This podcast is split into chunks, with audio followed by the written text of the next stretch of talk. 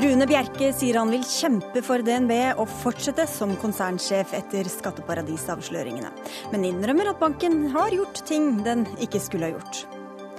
Flere konservative krøp til korset på dagens kirkemøte, stemte ja til kirkelig vigsel av homofile. Nå ser det mørkt ut for Den norske kirke, sier en av motstanderne. Høyrepolitikk avler høyrepopulisme, skrev Agendas Marte Gerhardsen. Så syltynn analyse at det er en underdrivelse å kalle den unyansert, sukker Torbjørn Røe Isaksen. Og idrettstoppene vil være litt mer åpne. Nå vil de vise noen reiseregninger, men ikke alle. Satser de på at kravet om åpenhet bare forsvinner?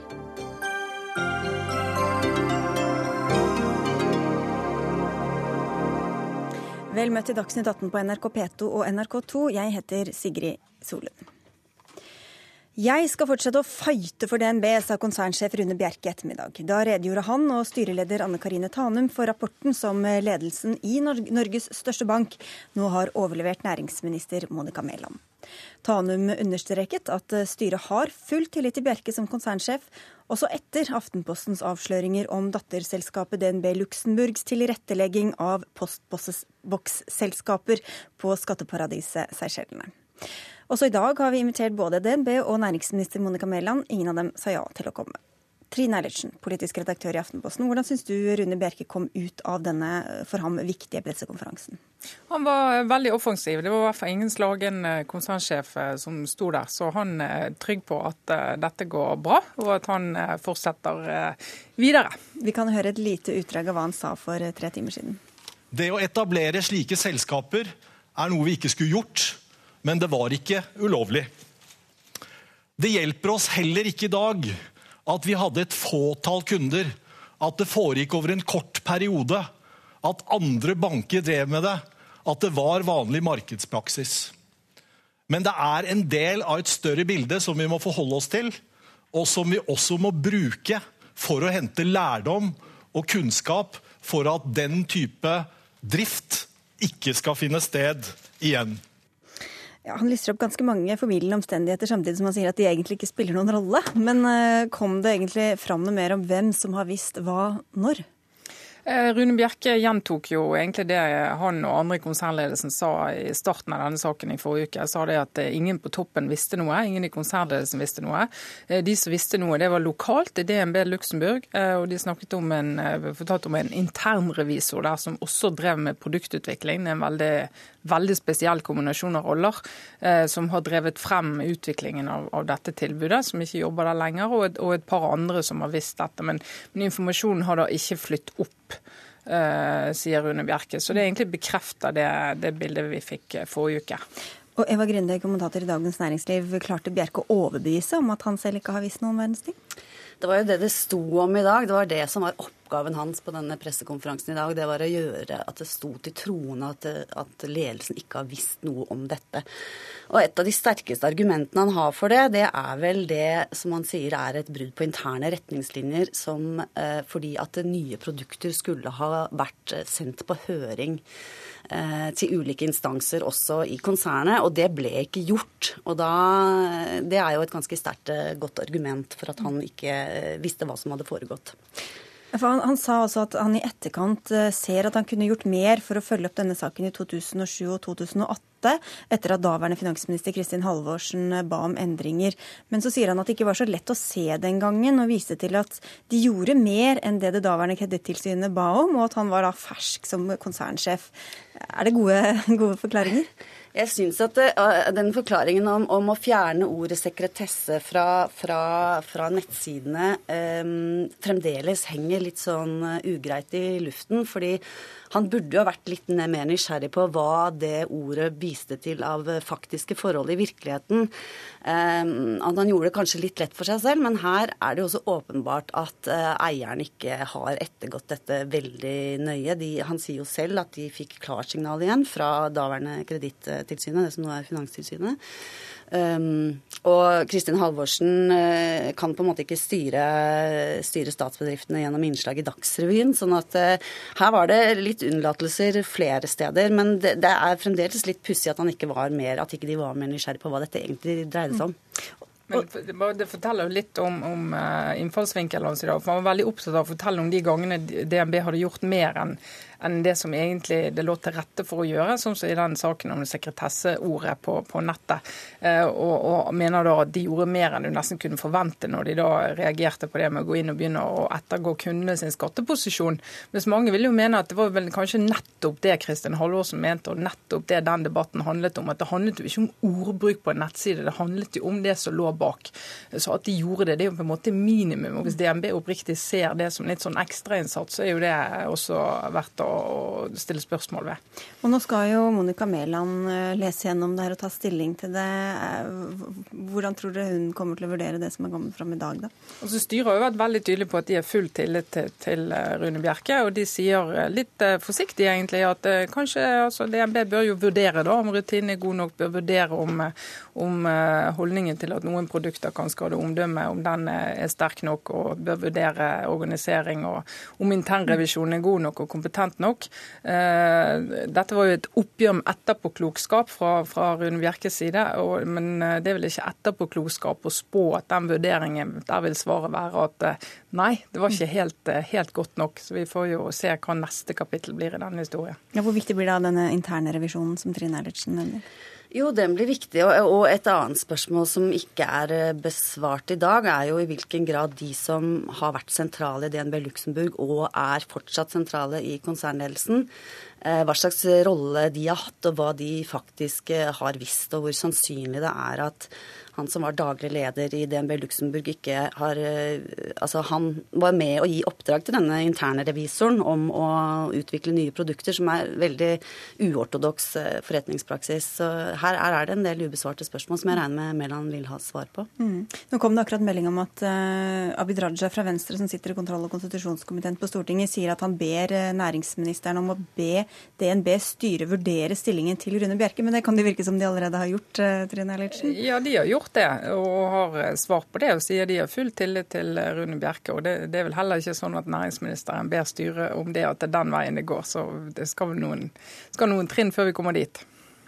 Og så eh, Hva er sannsynligheten for at hun vil gripe inn noe ytterligere? da? Så Staten er jo som kjent 34 er det vel av DNB?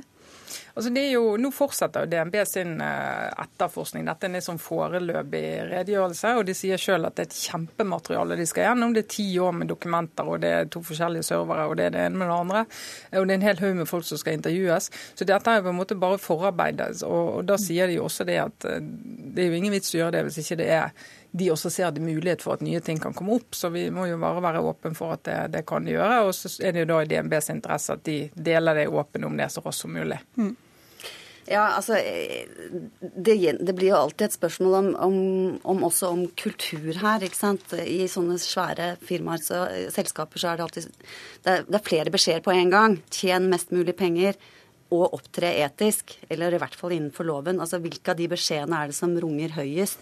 på en måte. Så det er jo eh, ja, det blir eh, For å snakke generelt, da, for, så, så, handler det ofte om å ikke ville vite og ikke være nysgjerrig nok på de svarene man ikke vil ha, da. Mm. Vi får se hva som dukker opp, da. Takk skal dere ha, Eva Grunde fra Dagens Næringsliv og Trine Eilertsen fra Aftenposten. Dagsnytt 18 alle hverdager klokka 18.00 på NRK P2 og NRK2. Et historisk vedtak ble gjort på kirkemøtet i Trondheim i dag. Et flertall på møtet, 88 av 115 delegater, stemte ja til vigsel av homofile. Men stridsøksen er på ingen måte begravet. Det konservative mindretallet er sterkt uenig i at kirka skal ha et kjønnsnøytralt syn på ekteskap, og altså operere med to liturgier, den tradisjonelle som brukes i dag, pluss en ny som ikke nevner kjønn. Halvor Nordhaug, du er biskop i Bjørgvin bispedømme, og du er egentlig blant dem som mener at ekteskapet er for kvinne og mann, men du stemte i dag likevel for at homofile og lesbiske skal kunne gifte seg i kirka. Hvorfor det? Ja, dette var jo et omforent vedtak som eh, bispemøtet først forberedte, og som kirkemøtet nå har vedtatt. Og det er da et vedtak som eh, tar utgangspunkt i at det foreligger to syn i kirken, og at det derfor skal komme eh, to liturgier og at det skal være rom og legitimitet for begge syn. Mm. Og når jeg medvirker til det vedtaket, så er det jo da i erkjennelse av at Kirkemøtet etter valget i høst har fått et nytt flertall, Og jeg har hele tiden ment at dette ikke er en sak som skal splitte Kirken, og derfor så vil jeg medvirke til å holde Kirken samlet, selv om det da altså er to syn i saken, og det er rimelig at flertallet får gjennomslag for sitt syn. Du sitter i Trondheim i studioet vårt der sammen med Øyvind Benestad, som er teolog og delegat eh, fra mm, Agder og Telemark i bispedømme, og kjent som en veldig profilert motstander mot likekjønnet vigsel i Den norske kirke. Du stemte i dag mot den nye vigselsliturgien. Er du ekstra skuffa over at Nordhaug og andre som egentlig er enig med deg, stemte ja? Ja, jeg er jo skuffa, må si det. For det er jo halvparten av biskopene som egentlig er enige med oss om at ekteskap er for mann og kvinne. Og jeg skjønner jo dilemmaet og hvor vanskelig det er for dem, men samtidig at de ikke markerte seg litt sterkere og tok noen grep som ikke jeg har helt svaret på. Men altså, det ble litt for puslete for mange av oss at vi fikk ikke en eneste biskop som liksom var tydelig, skikkelig tydelig på at dette er vi veldig mot, vi må prøve å finne andre løsninger. Og som kan være en representant, en talsmann for alle de som nå er veldig usikre på hva de skal gjøre, og som føler at hele kirkemøtet nærmest, og alle biskopene egentlig stemmer med noe de kanskje er til og med mot, mange av dem. Norad, dette er jo noe vi har diskutert opp og ned i mente. Hvordan ville det slitt på kirka, tror du, hvis dere skulle fortsette å diskutere dette i mange år framover også? Dette er jo en av grunnene til at jeg eh, riktignok ikke er glad for dette vedtaket, fordi jeg har jo det synet jeg har, men jeg er lettet over at vedtaket er fattet. Og jeg er lettet over at Kirkemøtet ikke skal diskutere dette annethvert år i mange år fremover. Fordi dette har vært en sak som vi har jobbet veldig mye med i 20 år, og den har vært krevende både innad og ikke minst utad. Og vi må komme til en landingsplass i denne saken, og det tror jeg nå vi har gjort. For Benestad, Du ønsket opprinnelig at forslaget om likekjønnet vielse skulle utredes ytterligere. Ja. Nå har jo debatten pågått i 20 år. Hvorfor vil du hale dette ut enda lenger, når du har sett hvilken vei det bar, og også hvor mye det har slitt på veldig mange? Jo, det er jo fordi vi har ikke diskutert mange av de grunnleggende spørsmålene etter at vi fikk en kjønnsnøytral ekteskapslov. For det vi har diskutert i 20 år og 25 år, det er jo homofili homofilt samliv som sådan mellom to voksne mennesker. Men nå er det jo barn og familie og foreldreskap, det er planlagt farløshet, det er bioteknologi og surrogati og alt dette her som hører nøye sammen med hele debatten om kjønn, om seksualitet og alt sammen. Og det har vi ikke diskutert i det hele tatt. Altså Ordet barn, foreldre, mor og far sånn var ikke nevnt i høringsnotatet eller i saksnotatet som ble framlagt før kirkemøtet. Så det er store deler av hele tematikken som ikke er berørt. og Derfor har vi ikke diskutert dette. Homofili har vi diskutert, men ikke familie- og barneperspektivet. Var det mm, enda mer diskusjon og utredning som trengtes, Norhaug? Jeg er enig med Øyvind Benestad i at denne saken kunne vært eh, bedre utredet. Eh, og jeg er helt enig i at det er aspekter ved barns rettigheter som jeg syns ikke blir godt ivaretatt i den nye ekteskapsloven. Og det handler bl.a. om retten for barn i et, uh, i et, lesbisk ekteskap til å kjenne sin far. Hvis det er mor og medmor, så får man ikke vite hvem far er før man er 18 år. Det mener jeg er en urett mot barnet. Så her er det jo mange innvendinger å reise, og jeg har jo et tradisjonelt syn på ekteskapet selv, mm. men situasjonen i kirka og i kirkemøtet var der at uh, vi måtte fatte et vedtak nå, og det var et klart flertall for en åpning for likekjønnet ekteskap. Og da var det viktig for meg å medvirke til en ordning hvor det blir eh, frihet og legitimitet for begge syn. Nå er det sikkert mange som sitter hjemme med argumenter mot dere, for dere er jo egentlig enige i dette synet, eh, men bare kom til ulik konklusjon om hva som var lurt å gjøre. Men Benestad, dere beholder jo også denne gamle liturgien om mann og kvinne og troskap og bli mange osv. Hvorfor eh, synes du ikke dette vedtaket ivaretar da begge sider? Hvorfor er det så farlig å få denne liturgien i tillegg? Altså jeg ser det jo litt sånn historisk perspektiv. Vi har inngått kompromiss etter kompromiss. Skanse etter skanse har falt. Det har vært sånn dominoeffekt. Én brikke om gangen. Ta et det... hint, er det sikkert mange som vil si da. Hva sa du? Ta et hint, tenker ja, mange da. Men, og det er det jeg tror vil skje nå også. Fordi Åpen folkekirke, som jo fronter denne saken med likekjønt ekteskap, de har jo sagt overtydelig, veldig klart, mange enkeltpersoner på årsmøtet sitt, at de ønsker bare én liturgi. Og det er jeg overbevist om at dette blir bare noen, et skritt til om noen få år. Så er det én liturgi.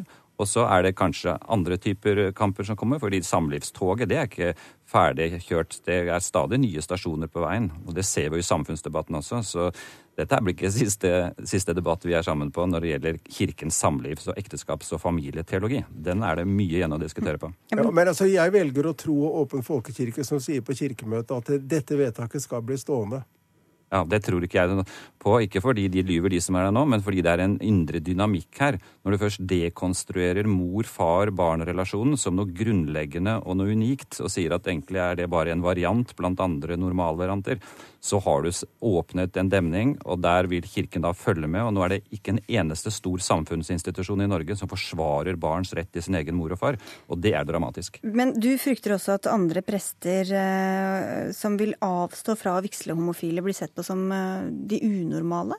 Ja, jeg tror det er jo allerede nå kampanjer i gang på Facebook og andre steder med folk som sier nå må vi boikotte alle de som ikke vil vie likekjønnede. Og det kommer til å bli en kamp også fordi nå sier jo nye, de nye reglene som ble vedtatt, at den nye liturgien, som egentlig skulle være for to av samme kjønn, den skal også kunne brukes av eh, mann og kvinne. Og dermed så blir det en kamp ned på lokalnivå. Hvem skal bestemme? Skal presten, skal menighet, skal paret? Hvem er det som egentlig skal si storheis? Så her kan det bli mange lokale spenninger og konflikter. Er du like pessimistisk, Norhaug? Nei, og dette var jo en grunn til at vi medvirket til dette omforente vedtaket, vi biskoper, fordi at vi ikke vil at det skal komme en sånn type kampanje rettet mot konservative prester. Vi har fattet nå et vedtak som nettopp sikrer dem legitimitet eh, og, og, og livsrom. Hvis vi hadde overlatt hele denne saken til de som har det nye synet på ekteskapet i Kirkemøtet, så er det ikke sikkert at vi hadde fått de garantiene og de ordningene som vi nå har fått. Vi må si tusen takk til dere, Halvor Norhaug og Øyvind Benestad, med, i en liten pause fra Kirkemøtet i Trondheim. Oddbjørg Aasen Bjørdal, du er kommunikasjonsrådgiver og forfatter av boka 'En mer synlig kirke'. Hvor lang og vanskelig og kronglete har veien fram til dette vedtaket vært? Dette er noe av det mest vanskelige Norske kirke har hatt eh, på siste fire-fem tiåra, tenker jeg.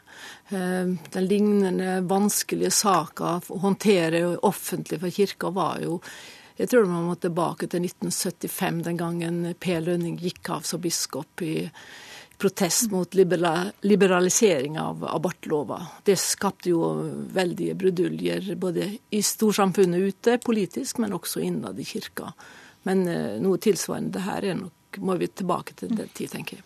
Nå har jo disse, Vi hadde to konservative for å kalle dem det, med her nå. De har jo da tapt saken. Betyr det at det nå blir ro om dette i kirka, tror du? Eller blir det som Benestad antyda? Jeg, tror at de begge to har litt rett. Jeg tror at Benestad har rett i at uh, det vil være et, uh, et, mindretall som fortsatt vil være urolig, og han peker jo på de uh, grunnene til at man var urolig. Man ville ha utreda mer om familiespørsmål, om barns rettigheter. Og det er klart det er legitime spørsmål. Samtidig så, så tror jeg at eh, Nordhaug, som, som er slik jeg ser det, så er jo de konservative i bispekollegiet eh, blitt tvinga til å ta et grep her for å skape ro nettopp det. For de så at det var et flertall i, i kirkemøtet som etter valget i høst, da, når man valgte nye bispedømmeråd, som igjen utgjør kirkemøtet. Og da så man jo at dette ville komme, og da Eh, etter mitt skjønn så var det jo et klokt vedtak da, og initiativ eh, biskopene kom med dette forslaget. Og dette valget du eh, nevnte, det var jo også noe som engasjerte ganske mange, ikke bare kirkegjengere, men andre som er opptatt av, av likestilling og av kirka.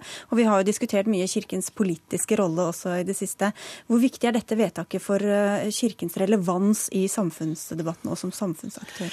Jeg tenker jo det at det vil bli oppfatta de storsamfunnet som at Kirka nå har gjort et vedtak som er i eh, tråd med samtida.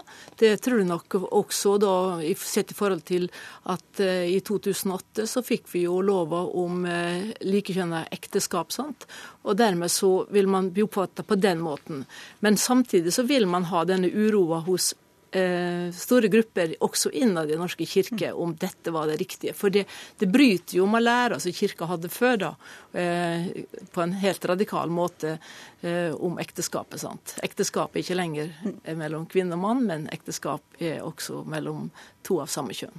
Så til tross for de utallige debattene vi har hatt om dette, så betyr ikke det at det er kroken på døra for dette temaet framover? Nei, jeg tenker at det vil komme. Men jeg tror at det vil komme i en roligere form, da. fordi at eh, nå tror de nok eh, etter vedtaket så vil de som var imot, eh, da måtte ta tid til å tenke gjennom hvordan skal vi forholde oss til dette. Og at det kanskje vil bli drøftinger internt, mer enn at det vil bli store debatter eksternt. Men de vil sikkert komme også. Vi får se. Takk skal du ha i hvert fall for at du kom til Dagsnytt 18, Oddbjørg Aasen Bjørdal.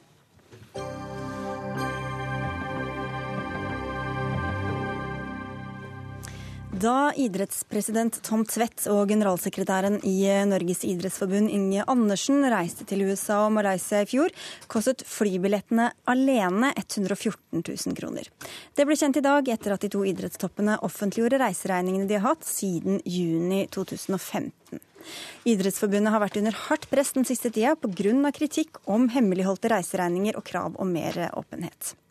Men i ettermiddag er det i hvert fall kommet noe på bordet, idrettspresident Tom Tvedt. Og hvordan er det mulig å bruke så mye penger på en flytur til Los Angeles og Kuala Lumpur? Forrige gang jeg var hos dere, så sa jeg at jeg er den eneste presidenten i hele verdens ansvar for både olympisk, paralympisk og psykisk utviklingshemma pluss døve.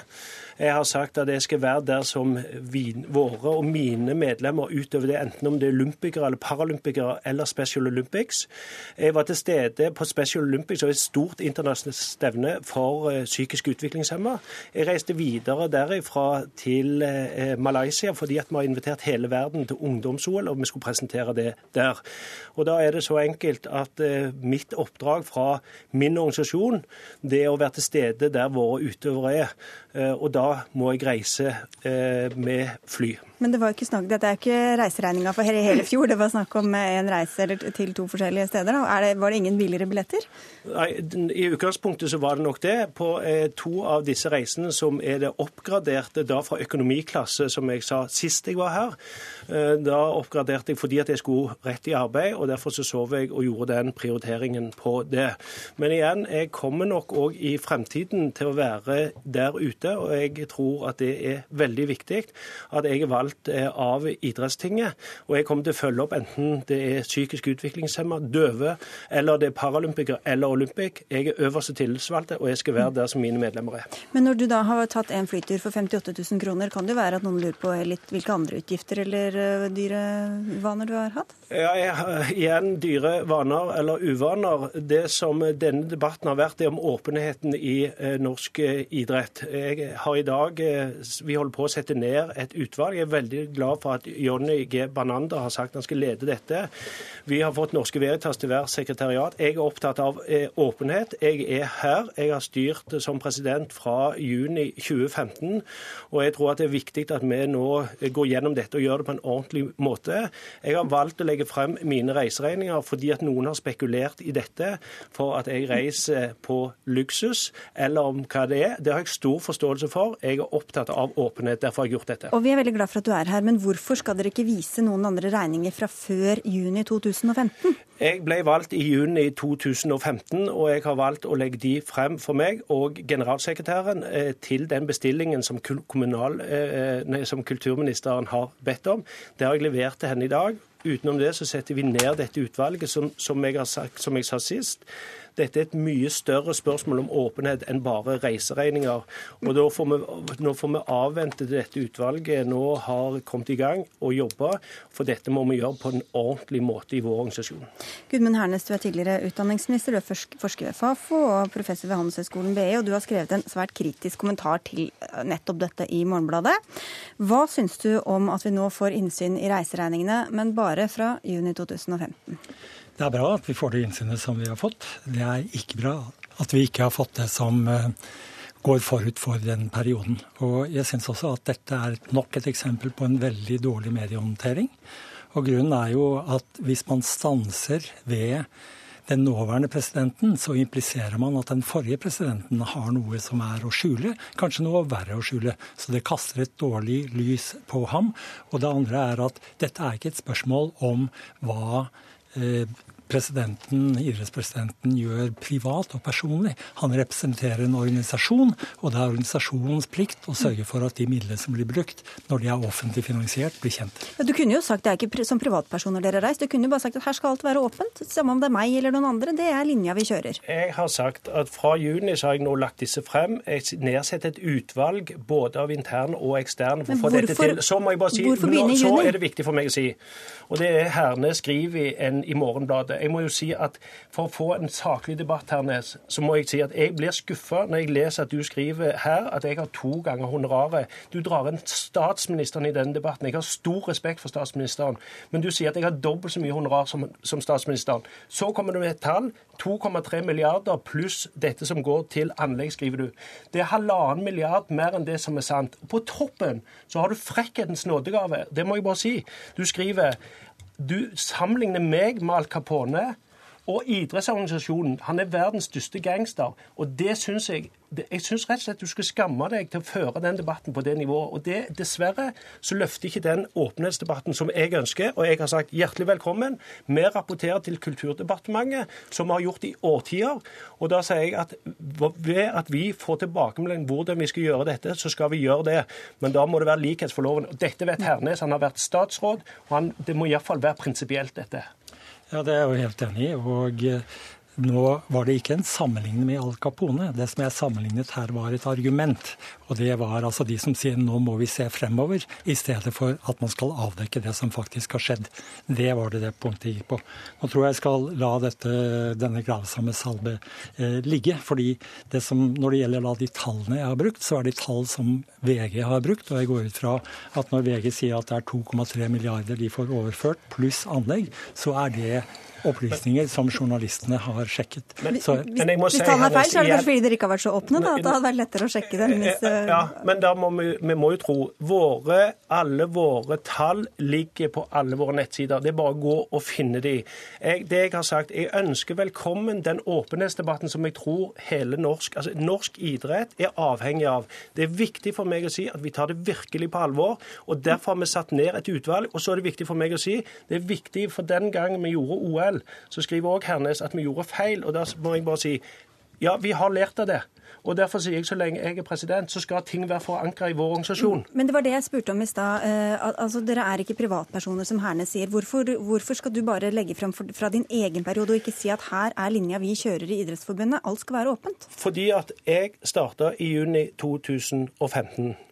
Jeg har vært hos Du representerer en organisasjon? Og jeg har rapportert, jeg har rapportert det som vi har gjort gjennom Kulturdepartementet i alle år.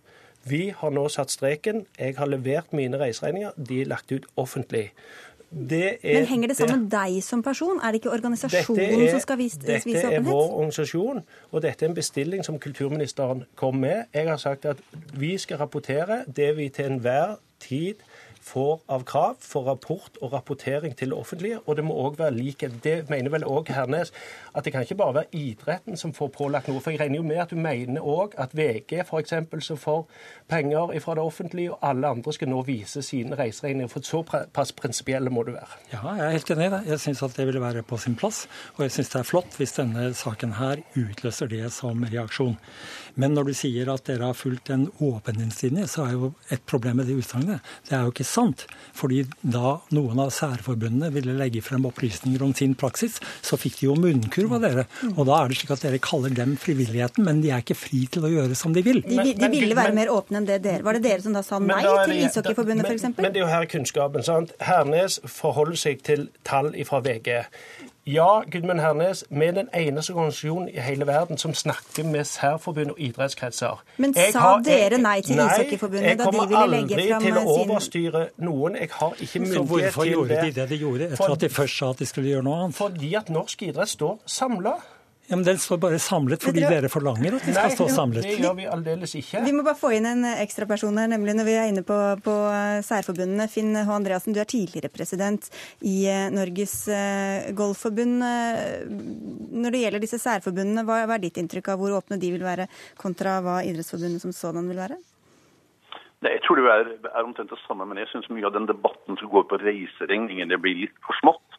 Det er helt OK, det er en del av, det, av debatten rundt åpenheten i idretten. Og den har vært for dårlig, etter mitt skjønn. Jeg har i, i, min periode som president i Golfforbundet jobbet hardt for å finne ut av hvordan blir midlene f.eks. til Olympiatoppen forvaltet, ut har hvilke kriterier osv. osv. Men den debatten har vist at det har vært nesten umulig å få de tallene på bordet.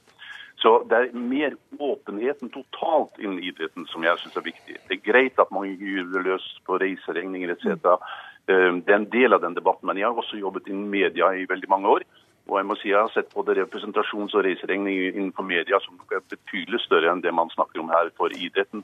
Så her må man, man må ikke bli eh, mer katolsk enn paven i den settingen her. Vi skal ha inn VG veldig snart, faktisk, og de kan få svare på det. Men, men, men eh, Andresen, eh, når du sier det du sier, betyr det at det vi snakker om her med reiseregning, sånn, at du mistenker at det er mange, altså langt større ting eller summer vi burde gå etter i stedet? da?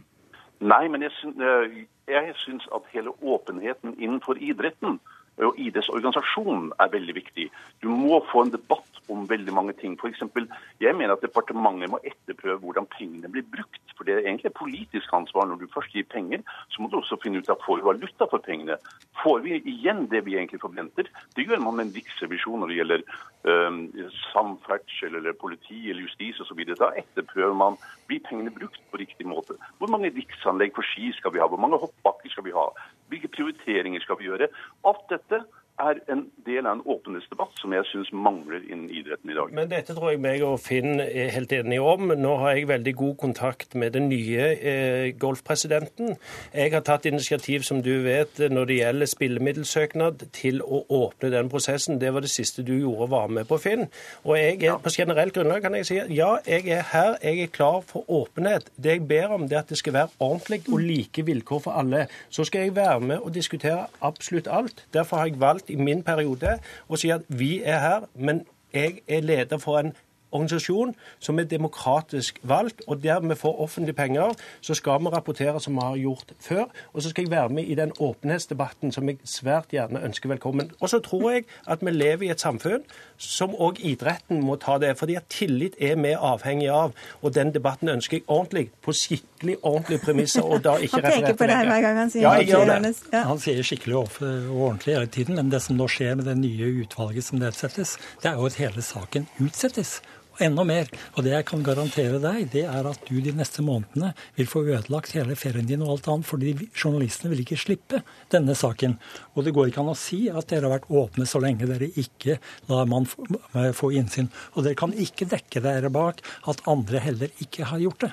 Det kan nok også komme, og det bør komme. Men du er enig Hernes, at når vi gjør dette i en så stor fri organisasjon som norsk idrett er, så skrev du om dette med OL og prosessen. Vi har lært av den, og da handler det om eierskap i min organisasjon på et demokratisk vis. Det syns jeg òg at vi skal ha respekt for. Kulturministeren virka jo heller ikke helt fornøyd etter møtet deres eh, i dag? Nå har vi levert eh, vårt tiltak og dette utvalget og det mandatet, og så tror jeg vi skal gi kulturministeren til å komme tilbake igjen til det, og så innretter norsk idrett seg etter det som hun måtte ønske.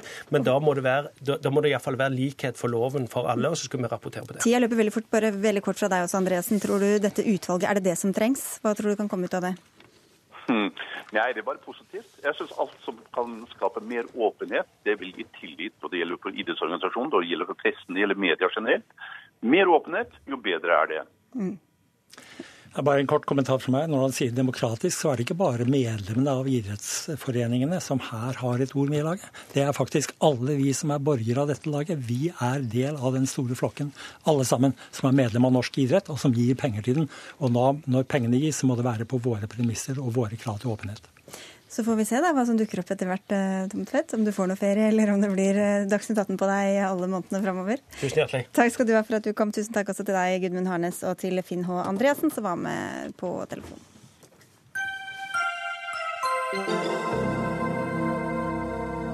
Men det betyr ikke at vi er helt ferdige med denne saken, for under tittelen 'Vredens gnag VGs evige jakt etter noe å gnage på', hevder retorikkekspert eh, Kjell Terje Ringdal i Aftenposten at VG har utsatt idrettsbevegelsen for et detaljeringskjør under dekke av å avdekke ukultur. Det er en medial ukultur som i beste fall fører oss mot en pseudoåpenhet, skriver altså du, Kjell Terje Ringdal. Du er førstelektor i retorikk og massekommunikasjon ved Høgskolen Kristiania. Men ut fra det du har hørt, mener du at VG bare er ute etter å plage toppene, eller er det en ukultur å avdekke som VG har gjort en Altså det, det, dette er et spørsmål om, er ikke bare en debatt om åpenheten i idretten, men det er også en debatt om media. Dette er også en mediedebatt. Fordi her, det vi ser her, er at dette eh, er en i første omgang en seier til VG og en seier til mediene når det gjelder å avsløre ukulturer, korrupsjon, pengebruk osv. Det VG og internasjonal presse har gjort, er at man i lang tid har eh, fotfulgt eh, Uefa, Fifa, eh, smarte, ikke fullt så smarte idrettsprosjekter som definitivt, man kan si, har vært en medial suksess. Så tillater jeg meg rett og slett å bare spørre når er det slutt? Altså når kan man si at man har vunnet? For det vi kan si her er, eh, altså Spørsmålet er hvordan takler du en seier, og hvordan takler du et tap? Her er idretten så langt blitt en taper, men har altså eh, rydda opp. Og så sier VG vi gir oss ikke. Nå skal vi ha reiseregninger også. Og dette er som har vunnet 5-0, og så går du bort til keeperen og alle de andre som du har slått, og så sparker du dem på leggen en gang til etter at kampen er over. Så det er veldig enkelt. Skal vi, må vi ha reiseregninger? Må vi vite hva gin tonic kostet? Gjør det idretten bedre, spør jeg VG. Ja, da spør vi videre. da. Leif Welhaven, du er nyhetsredaktør i VG-sporten. Hvor sikker føler du deg på at dere ikke nå henger ut folk unødvendig og graver i detaljer vi egentlig ikke trenger, i jakten mot den store umoral og store urett? Altså, så, vidt bekjent, så vidt meg bekjent er antall saker som har forekommet i norsk presse gjennom tidene hvor noen har fått trøbbel i det offentlige rom pga. nøkterne og fornuftige reiseregninger, tilnærmet lik null. Vi har ingen interesse om man har spist tre karbonader i stedet for to. Det dette handler om, er to ting. Det er en prinsipiell debatt som handler om i hvilken grad offentligheten skal ha mulighet til å kunne føre en uavhengig kontroll av hvordan midler blir brukt på fellesskapets vegne. Skal man kunne føre den kontrollen, så er man avhengig av etterprøvbare parametere. Dessuten så vil det dreier seg om at dersom det viser seg at midler er blitt brukt si, på uakseptabelt vis, jeg understreker at det vet vi ikke, men dersom det skulle være slik, så vil det være i idrettens og allmennhetens interesse at dette kommer frem i lyset. Og så mener vel at Ringdal og andre bør kunne stole på at vi faktisk evner å skille mellom smått og stort. Og jeg skulle gjerne si, høre Ringdal om han kjenner et eneste eksempel på at noen har, i media har hengt seg opp i filleting i reiseregninger. La meg sitere. VG. Eh, hvor man da spør eh, sjefen for X Games for noen dager siden var det nødvendig å bo på fem, femstjerners hotell. Var det, det nødvendig å drikke gin tonic, spør man da i kampen og jakten på åpenhet. Så spør man altså i VG om ting jeg mener er filleting, og som ikke handler om de store demokratiske idealene. Man spør om gin tonic, og man spør om femstjerners hotell. Og undergraver det store bildet, da, eventuelt? Eh, altså, poenget med den saken uh, som Ringdal her refererer til fra X Games, var at uh, Henning Andersen i X Games kom med dette til oss nettopp fordi han mener at det er en selvfølge å legge fram disse tingene, og at han ville ha en reell debatt om hvordan 42 millioner offentlige kroner ble brukt i forbindelse med X Games. Dette i kontrast til hva Fotballforbundet gjorde, som valgte å legge fram en, en rekke aggregerte sekkeposter om Kjetil Siems reiseregninger. Forskjellen på det er at når det gjelder X Games, så er det nå faktisk mulig å føre en ordentlig debatt om det er greit eller ikke greit, eller kanskje et sted midt imellom, å bruke offentlige midler på den måten mm. X Games gjorde. I det Fotballforbundet gjorde, så er det ingenting som er etterprøvbart, og det blir ingen reell uavhengig kontroll hvis det er de som med makten som skal ha den eneste definisjonsretten til hvilke opplysninger man går ut med, og hvilke man ikke går ut med. Og da, dette, er i kjernen av hva dette er. Åpenhet handler om at det må være faktisk etterprøvbar informasjon. Og Det legger Henning Andersen opp til, og i den sammenhengen er det relevant. Og Ringdal, da, ja. men jeg bare lurer, fordi Det virket som om du mente at nå har de vunnet, nå må de liksom gi seg. Men hvordan skal de vite det uten å vite alt? Altså, De kan jo ikke vite at de har avslørt det mest graverende før de har alt på bordet? Nei. Det kan de ikke. Eh, og det er jo det som gjør at det er mulig for, eh, for sportsredaksjonen i VG å, eh, å holde seg i den kampen. Fordi det er jo alltids en mulighet. Men jeg tror at det er mye som tyder på at disse tallene som VG nå ber om, de er allerede kontrollert av revisorer. De er rapportert på eh, slik Kulturdepartementet ønsker at de skal være rapportert. Slik at der er alle gin tonics og alle flyreiser. Men da får ikke offentligheten vurdere om de syns at det er god bruk av deres Nei, penger, da? Da mener jeg at det er en rimelig debatt om hvor langt vi skal gå. For du sitter jo der, Belaven, og er Du har vunnet. Mediene har vunnet Atter en gang har mediene vist seg å være viktige. Men dette er altså en debatt om når kan vi si at nå er det greit. Og da kan vi i hvert fall si at både det VG skrev om eh, forleden, og det vi har sett i dag, er et uttrykk for at det er tullesummer, tullebeløp og en lett moralistisk holdning, hvor underliggende, det underliggende perspektivet er er det nødvendig å bo på hotell?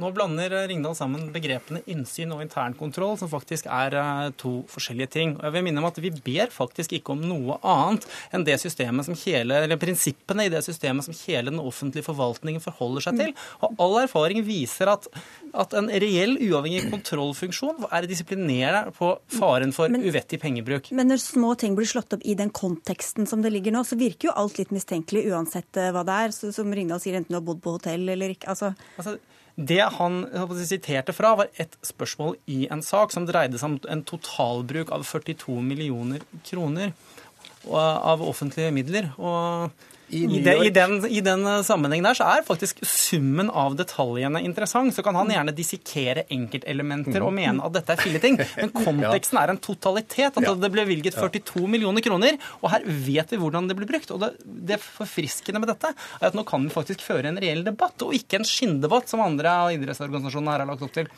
Ja. Helt kort til slutt. Ja. Dette Faren med dette er, altså med denne manierte mistenksomheten, er at den er en fare for rekrutteringen til idretten. Det å være systematisk Skal VG ta hensyn til det? Å ja da, det syns jeg absolutt. Ikke, ikke prinsipielt, men man bør i hvert fall vurdere på et eller annet tidspunkt. Nå er det kanskje nok. Jeg tror ikke at faren eh, for å ikke få lov til å, ha å si, hemmelighet rundt reisehold vil hindre folk i å være interessert i idrett. Den, det tror jeg ikke er mye å være redd for. Det er ikke så mye gin tonic eh, blant vaffelstekerne for grunnplanet. Vi får si tusen takk til dere begge to for at dere kom til Dagsnytt 18, Kjell Terje Ringdal og Leif Welhaven fra VG. Hør Dagsnytt 18 når du vil. Radio NRK Radio.nrk.no.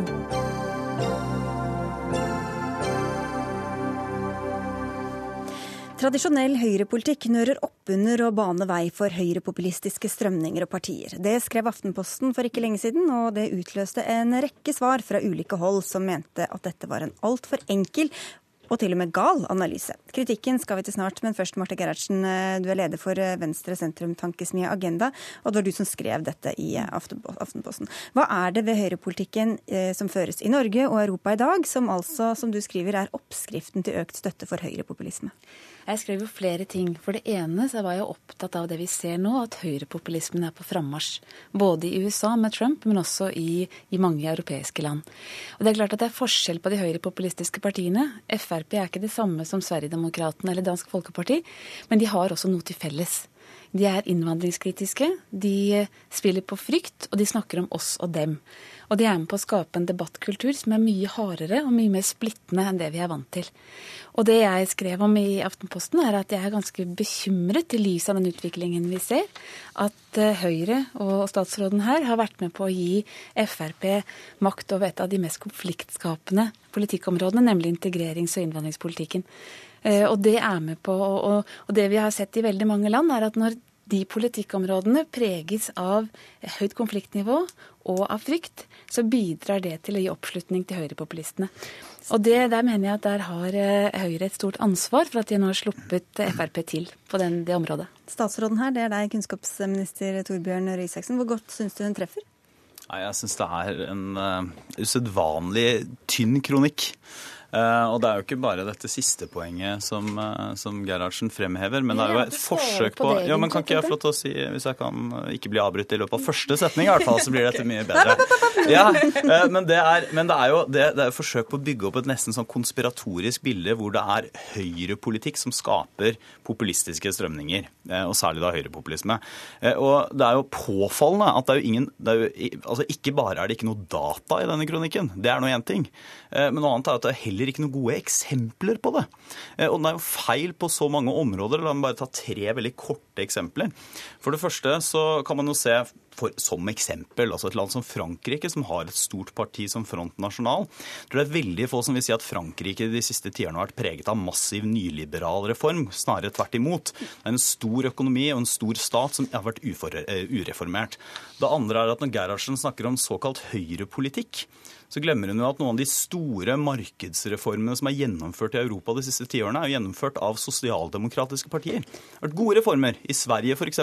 I Tyskland med store arbeidsmarkedsreformer, for å nevne noe. Du kan ikke noe. bare si at du ikke skal bli avbrutt, for vi er nødt til å gjøre det litt. Fordi, men bare for å oppklare, for det er ikke bare dette med innvandrings- og asylpolitikken. Det er også økonomisk politikk, arbeidstakerrettigheter osv. som du viser til, som høyre, hvor høyrepolitikken da gjør, skyver folk uten eller gjør at folk føler seg utenfor osv. Det jeg skrev i kronikken, eh, var jo at dette er et komplekst og sammensatt problem, eh, og det varierer fra land til land. Men det vi ser, det er en veldig klar sammenheng mellom økende ulikhet, høy arbeidsledighet, en følelse av utenforskap og mennesker som opplever manglende framtidshåp.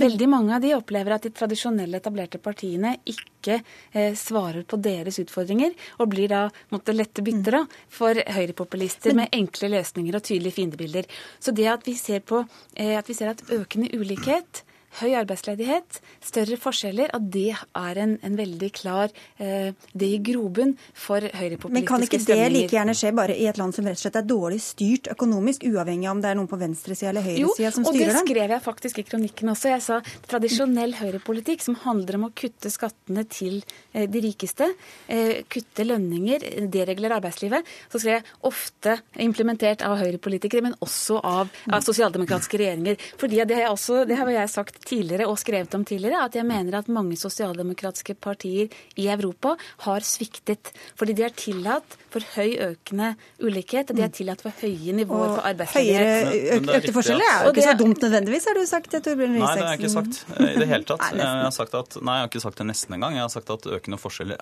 er et problem, men da må man være klar over hvorfor det er et problem. Det er ikke svingningen på inntektsstatistikken hvert år, men det er økende både økonomiske og sosiale forskjeller som går på sosial tillitløs i et samfunn, som kan være et problem.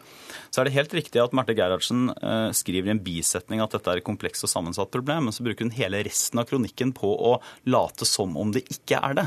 Bl.a. Blant annet gjennom å da lage en direkte kobling mellom det hun veldig upresist kaller for høyrepolitikk, som da også må bety f.eks. den store Hartz-reformen i Tyskland, som eh, sosialdemokratenes kansler Gerhard Schröder sto bak, eh, eller som må bety store liberaliseringer i Sverige, som sosialdemokratene står bak, eller som også for øvrig må jo ramme Jens Stoltenberg, gamle Jens Stoltenberg i Stoltenberg 1, som også gjennomførte store, det mange vil kalle eh, relativt markedsliberale reformer. Poenget er at dette dette henger sannsynligvis ikke sammen på den måten som Marte Gerhardsen peker på.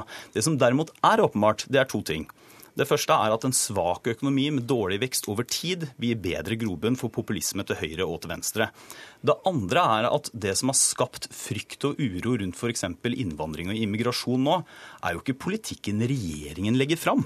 Det er at Europa står overfor den største migrasjonskrisen ja, noensinne. Eller i hvert fall på mange, mange, mange tiår. Og det er jo det å ikke adressere f.eks. Eh, en økning av innvandringen som skaper problemer. Eh, vi er helt enig i at vi skal ha en regulert innvandring til Norge. Men det går an å snakke om eh, innvandringspolitikk uten å skape et bilde av også dem, uten å skape eh, konflikter. Vi har altså, Dere har altså en partileder, Jensen, som beskylder store deler, eller ikke store deler, men beskylder norske borgere som tror på noe annet enn henne, for å drive med snikislamifisering. Vi har en integreringsminister som snakker om at hun frykter for sine barns framtid fordi det kommer flyktninger her, og prøver å spre den frykten over på oss andre. Det er klart at Når de sitter og er førende i en så viktig debatt som flyktning- og integreringspolitikk, så er det veldig uheldig. Og så er det klart at sammenhengen mellom innvandring og høyrepopulisme eh, er ikke så tydelig. Du ser f.eks. i valget i Tyskland nå. Jeg var i Tyskland i forrige uke, hvor Alternativ for Deutschland, som er et eh, ganske skummelt parti, sterkt innvandringsfiendtlig, de gjorde det best i de områdene hvor det var høy arbeidsledighet, fattigdom, store forskjeller, men ganske få innvandrere. Og Det viser om at det er debatten om innvandring, mer enn selve innvandrerne, som, som bidrar til, eh, til Høyre har jo sagt at ikke de vil bruke samme retorikk som, eh, som den ansvarlige statsråden har gjort i dette tilfellet. Tror du at den retorikken har vært med på å nøre opp under eh, fremmedhat, eller Altså, jeg, jeg, tror at måten politikere ordlegger seg på, kan være med på å betrygge eller, eller uh, gjøre, gjøre, folk mer bekymret. Nei, Jeg mener at det, jeg har påpekt selv, skrevet om det, at det er påfallende at bare noen få måneder før, en debatt med agenda faktisk, så sa jeg mye av det samme som Sylvi Listhaug sa, nemlig at hvis du har stor innvandring over tid, så er ikke det forenlig med den norske velferdsmodellen. Eh, og det, det, mener jeg vi må bare innse og godta. At høy innvandring, høy ukontrollert innvandring over tid er ikke forenlig med den norske samfunnsmodellen sånn som den er i dag. Er men, det er heller ikke, jo, men det er heller ikke det, det problemet med Marte Gerhardsen sin kronikk, bortsett fra alle de tingene hun tar direkte feil på, og som er veldig tynne analyser, det er jo at hun plasserer hovedårsaken til at det blir sterk diskusjon, polarisering og frykt rundt innvandrings- og integrasjonspolitikken. Eh, ikke ikke i det faktum at vi har en helt spesielt særegen asyl- og ja. flyktningsituasjon. Eh, og hun mener da at årsaken til at det blir frykt rundt innvandringspolitikken, er for regjeringa legger fram innstrammingsforslag. Og ikke fordi, ikke fordi vi er i en, en ekstremt, eh, Nei, situasjon. Nå blander du veldig her. Eh, for det ene så sier jeg vi ser fra land til land at økende forskjeller, arbeidsledighet og, og en følelse av at eh, framtidsutsiktene er dårlige, gjør at folk eh, venner seg til høyrepopulistiske eller venstrepopulistiske partier. Derfor det, skal vi bekjempe de strømningene, så er det å bekjempe økende ulikhet veldig, veldig viktig. Eh, her har vi en regjering i Norge som ikke gjør det. Tvert imot. Siden regjeringen kom til makten, så har altså de aller rikeste i Norge hver dag fått over 2000 kroner i skattelette. Vanlige folk har fått fem kroner. Det en blir folk høyrepopulister av det, ser du? Jeg tror det, Hvis du har en, et samfunn hvor forskjellene øker, og hvis arbeidsledigheten får satt seg fast, så lager vi også en, et men samfunn hvor flere det, faller utenfor. Både, du skal få svare kort, eh, Røysiksen, men både mm. flyktningsituasjonen og arbeidsledigheten med fall i mm. oljeprisen og sånn, mm. er jo ganske sånn situasjoner som er, eller, som er utenfor hva regjeringa kan uh, gjøre. Ja, det som er så viktig som politikere må gjøre, er jo hvordan møter vi de utfordringene. Ikke sant? Og da i forhold til flyktningsituasjonen, så er vi jo helt enige om at vi må, ha, vi må regulere det, og vi må, de som ikke skal få være her, skal sendes ut. Men vi må snakke om dem på en ordentlig måte. Vi må ikke være med på å skape frykt okay. Det er mot i konflikt. men du får 20 sekunder på slutten. Ja, det er så mange løse tråder her. Men, men for å si det veldig enkelt, det viktigste bidraget til venstrepopulisme og høyrepopulisme, det er en økonomi som ikke leverer vekst og arbeidsplasser. Så gode, sunne reformer, enten det er høyrepolitikk eller da gode, sunne sosialdemokratiske høyrevridde reformer, eh, er viktig bidrag til eh, økonomisk vekst og arbeidsledigheten ned. Vi får si tusen takk i denne omgang til dere to begge, Marte Gerhardsen Gerhardsen fra Agenda og kunnskapsminister Torbjørn Røe Isaksen.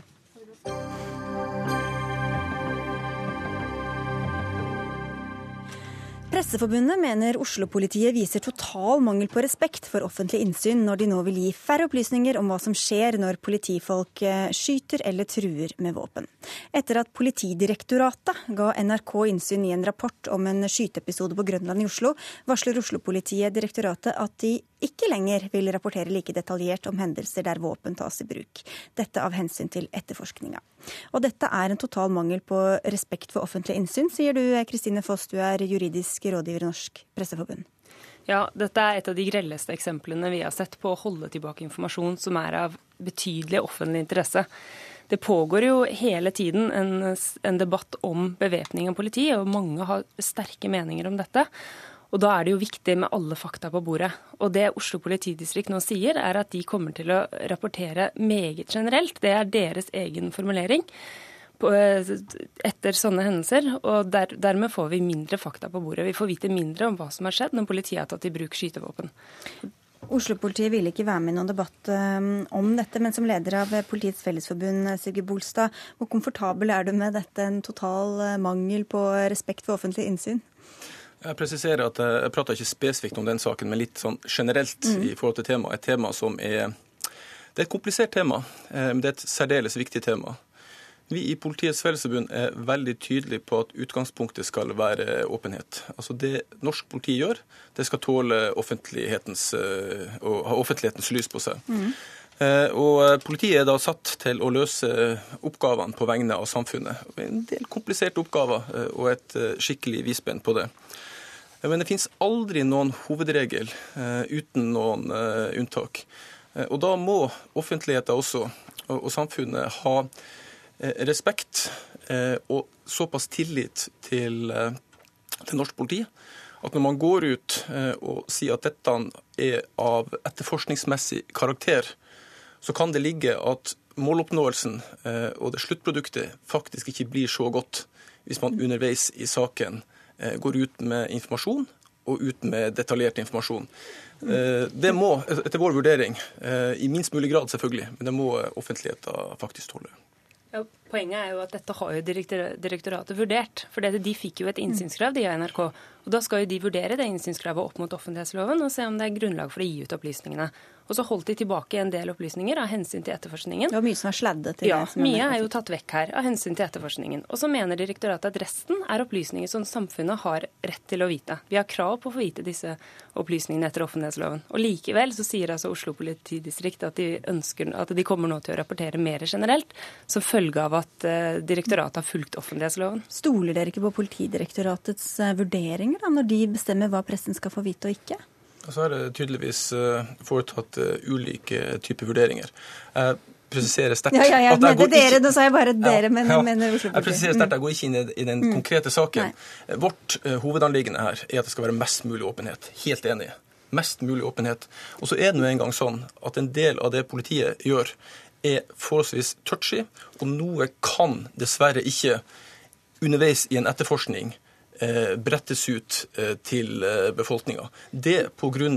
at sluttproduktet alle er opptatt av best mulig kvalitet, og at man skal til bunns i en sak. Men som Foss var inne på, så pågår det stadig en debatt om offentlig bevæpning av, om, om bevæpning av politiet. Hvordan skal den kunne fungere på best mulig og mest mulig informert vis når vi ikke får vite om sånne, hva som egentlig skjer i disse episodene?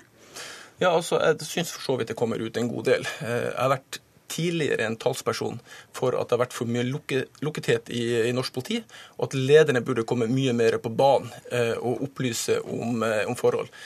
Til det er å si at jeg syns at utviklinga blir stadig bedre. Og så vil det alltid være et forbedringspotensial, selv om det går i, i, i, rett retning.